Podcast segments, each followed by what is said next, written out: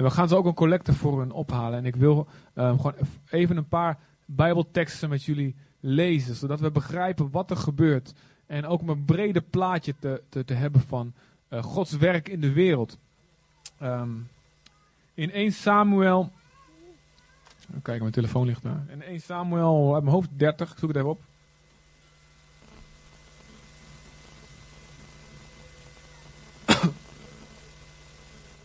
1 Samuel 30 vanaf vers 21 tot 25. Um, daar staat een verhaal over David.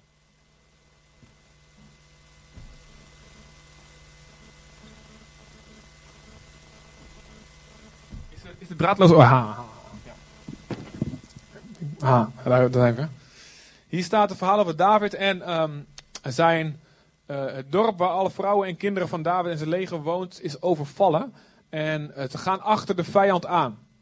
Dus moet je voorstellen, uh, mannen, even mannen, waar zijn de mannen vandaag hier, mannen? Mannen. Oeh, mannen. Oké, je vrouw en kinderen zijn zojuist gejat. Je komt thuis van je werk, iedereen is weg, briefje hangt er. We hebben je er lekker meegenomen, afzender, de Amalekieten. Wat ga je doen? Je wordt best wel pissig, toch? Sommigen van jullie denken, hè, ben ik eigenlijk vast... Nee, nee, nee. um, en wat er gebeurt, ze gaan achter... Ze gaan, ze gaan achter... Uh, het grappige, nou het grappige, nee, het het interessante is... Davids mannen spreken ervan om David te stenigen. Dus David raakt heel erg in het nauw. En, um, maar nog in die omstandigheid zoekt hij God en vraagt hij God, moet ik achter ze aangaan? Oftewel, ook als God nee had gezegd, dan had hij dus zich laten stenigen. Hij was gehoorzaam aan God, wat het hem ook kostte. En daarom was hij een betere koning dan Saul, want die, was, die ging alleen mee met de opiniepeilingen, weet je wel. Ja, dus uh, de peiling zegt, dit wil het volk, nou dan doe ik dat maar. En David zei, ik doe Gods wil, of het nou populair is of niet. Of hij nou gestenigd wordt of niet. Dus God zei gelukkig voor hem, zei hij, oké, ga er maar achteraan. En haal je vrouw en je kinderen in bezittingen weer terug. En dan gaan ze maar. Um, ze komen net van een andere strijd. Want ze komen net thuis van een andere oorlog. En 200 van zijn mannen zijn te moe. Om nog verder mee te gaan. En ze gaan met de, met de mensen die niet moe genoeg niet moe zijn. Gaan ze en verslaan de vijand. Halen vrouwen, moeders, schoonmoeders, uh, huisdieren, uh, pakieten. Alles weer terug. En dan komen ze terug bij de 200 mannen die te moe waren om mee te gaan. Toen David weer terugkwam van, in het dal van de Bezor, werden hij en zijn mannen opgewacht door de 200 man die daar waren achtergebleven, omdat ze te moe waren om met hem mee te gaan. Hij ging naar hen toe en vroeg, vroeg hun hoe het met ze was. En lieve, echt een herder is die man. Echt een goede, lieve, zachtmoedige kerel. Maar onder de mannen die met David waren meegegaan, waren echter een aantal kwaadwillige lieden. En er staat in een andere vertaling nietswaardige en verdorven lieden. Dat zal wat zijn dat je voor eeuwig in de Bijbel opgeschreven wordt. Eeuwig woord van God als je een officieel nietswaardig persoon bent. Waarom waren ze nietswaardig? Want ze zeiden, omdat zij niet met ons zijn meegegaan, krijgen ze niets van de buit die wij heroverd hebben. Ze kunnen hun eigen vrouwen en kinderen terugkrijgen en dan moeten ze maar gaan. Maar David zei, nee mannen, geen sprake van. Het gaat hier om een geschenk van de Heer. Hij heeft ons gespaard en de bende die ons had overvallen aan ons uitgeleverd. Denken jullie dat iemand het met jullie eens is? Nee, degenen die hebben deelgenomen aan de strijd krijgen evenveel als degenen die zijn achtergebleven om de spullen te bewaken. Ze moeten de buit samen delen. En zo gebeurde het voortaan. Deze regel die door David is ingesteld geldt in Israël tot op de dag van vandaag. Hij zegt, wie, wie deelgenomen heeft aan de strijd krijgt evenveel als zij die bij de spullen zijn gebleven. Zij gaan de strijd in. Hun strijd. Wij hebben allemaal onze eigen strijd. Want wij zijn allemaal zendelingen. Amen. Ja, echt waar. En we sturen hun nu uit. En net als dat we Chris ook, ook elke keer, eh, die gaat wat vaker heen en weer, uitsturen naar Israël. Eh, eh, wij sturen mensen uit. En God zegt, degene die die strijd aangaan in de frontlinie, krijgen evenveel beloning als de mensen die op de spullen passen. En ik wil je bemoedigen, want Jezus zegt, alles wat je doet voor de minste van mijn broers en zussen. En ik denk dat we met z'n over eens kunnen zijn dat mensen die uitgestoten zijn uit de maatschappij, die aan lepra lijden, die, die, die vervormd zijn in hun gezicht of die ledematen missen, je moet die foto's eens zien. Die geloven in Jezus. Dat is in de ogen van de wereld zijn dat de minste van, van de broers en zussen van Jezus. En zij krijgen daar een beloning voor. Amen. Daar doen ze het niet voor. Ze doen het gewoon uit liefde, maar ze krijgen het wel. Als wij op hun spullen passen, om het even zo te zeggen, krijgen we lekker een deel van hun beloning. Niet dat zij minder krijgen, we krijgen evenveel. Want Jezus zegt, Matthäus 10 vers 41, wie een profeet ontvangt als een profeet, zal het loon van een profeet krijgen. Oftewel, hoe je mensen behandelt, die deel zijn van jouw lichaam, die een bepaalde zware taak hebben, als je hun goed behandelt, zul je delen in hun loon. En het is een bemoediging voor ons. Als wij delen, met, en als het niet eh, financieel, als we daarin delen in, in, in, in het werk van, van de gemeente, of hier in Zutphen, of in Israël, of in Filipijnen, of waar dan ook. Als je daarin deelt, financieel, of je kan misschien niet veel geven, dan bemoedig je en je bidt. En dat is net zoveel waard. Je zult een beloning krijgen. En het is een bemoediging voor ons allemaal. Denk je van ja, ik kan geen zendeling worden, want en misschien allemaal redenen waarom je niet, niet over de grenzen kan. Maar God zegt, wees bemoedigd. Jij zorgt voor hun spullen.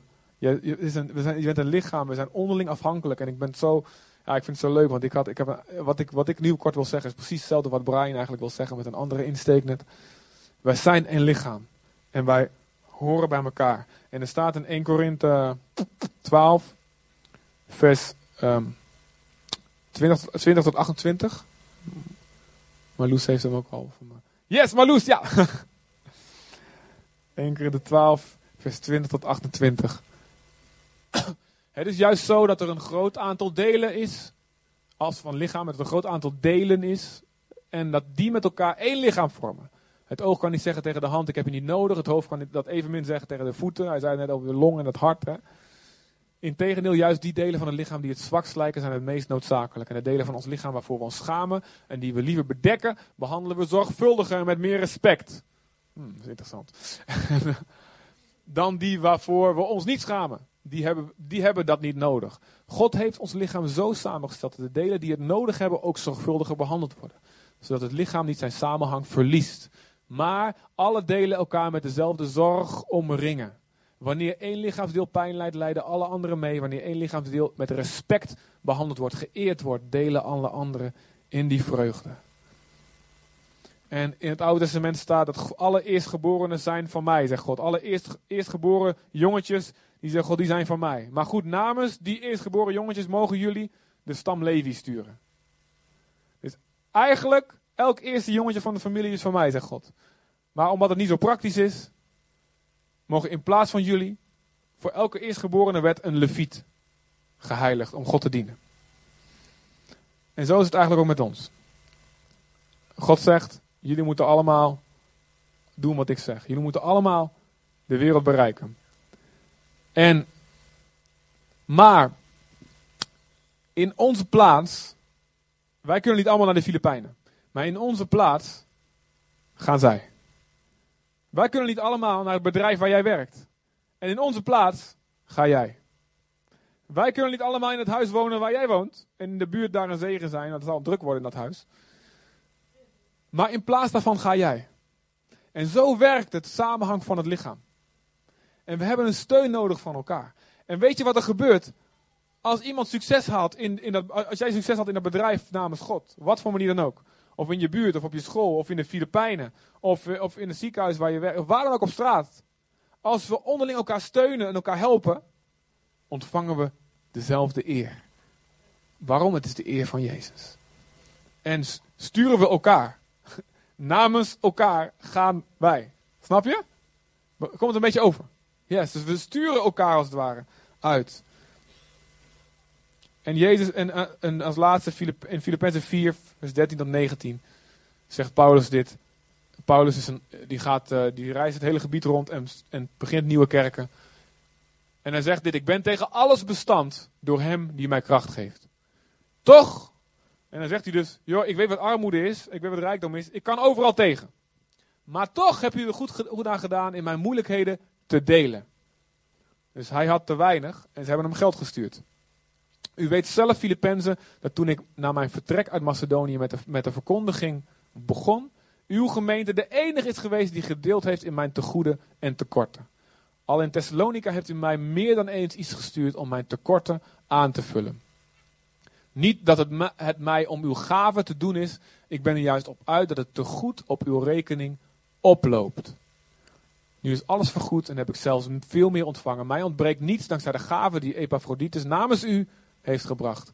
Ze zijn een geurig en aangenaam offer dat God behaagt. En mijn God zal uit de overvloed van zijn majesteit elk tekort van u aanvoelen door, aanvullen door Christus Jezus. Dus hier zie je dat door elkaar te steunen, door zendelingen te steunen, maar ook door elkaar te steunen in de bediening die we hebben. Fulltime of deeltijd of op je werk of, of in een kerk of waar dan ook. Als je elkaar steunt, er groeit een tegoed aan op je hemelse rekening. Amen. Dus we gaan, um, voordat we avond gaan doen, gaan we de hele collecte aan Brian en Meerte meegeven. Amen. En uh, je kunt het ook maandelijks machtigen. Uh, dat kun je hier invullen. Dat kun je ook straks bij de, bij de koffie doen. Maar um, ja, jullie mogen terwijl Victor lekker alles laat vallen. Hartstikke goed, jongen. Mag je naar voren komen en gewoon geven wat God op je hart geeft. Om, we geven het gewoon aan ze mee. Dus um, laten we dat, dat doen. En ik kan je verzekeren dat ze het aan goede dingen gaan besteden. En dat het ervoor zorgt dat zij meer mensen kunnen bereiken. Amen.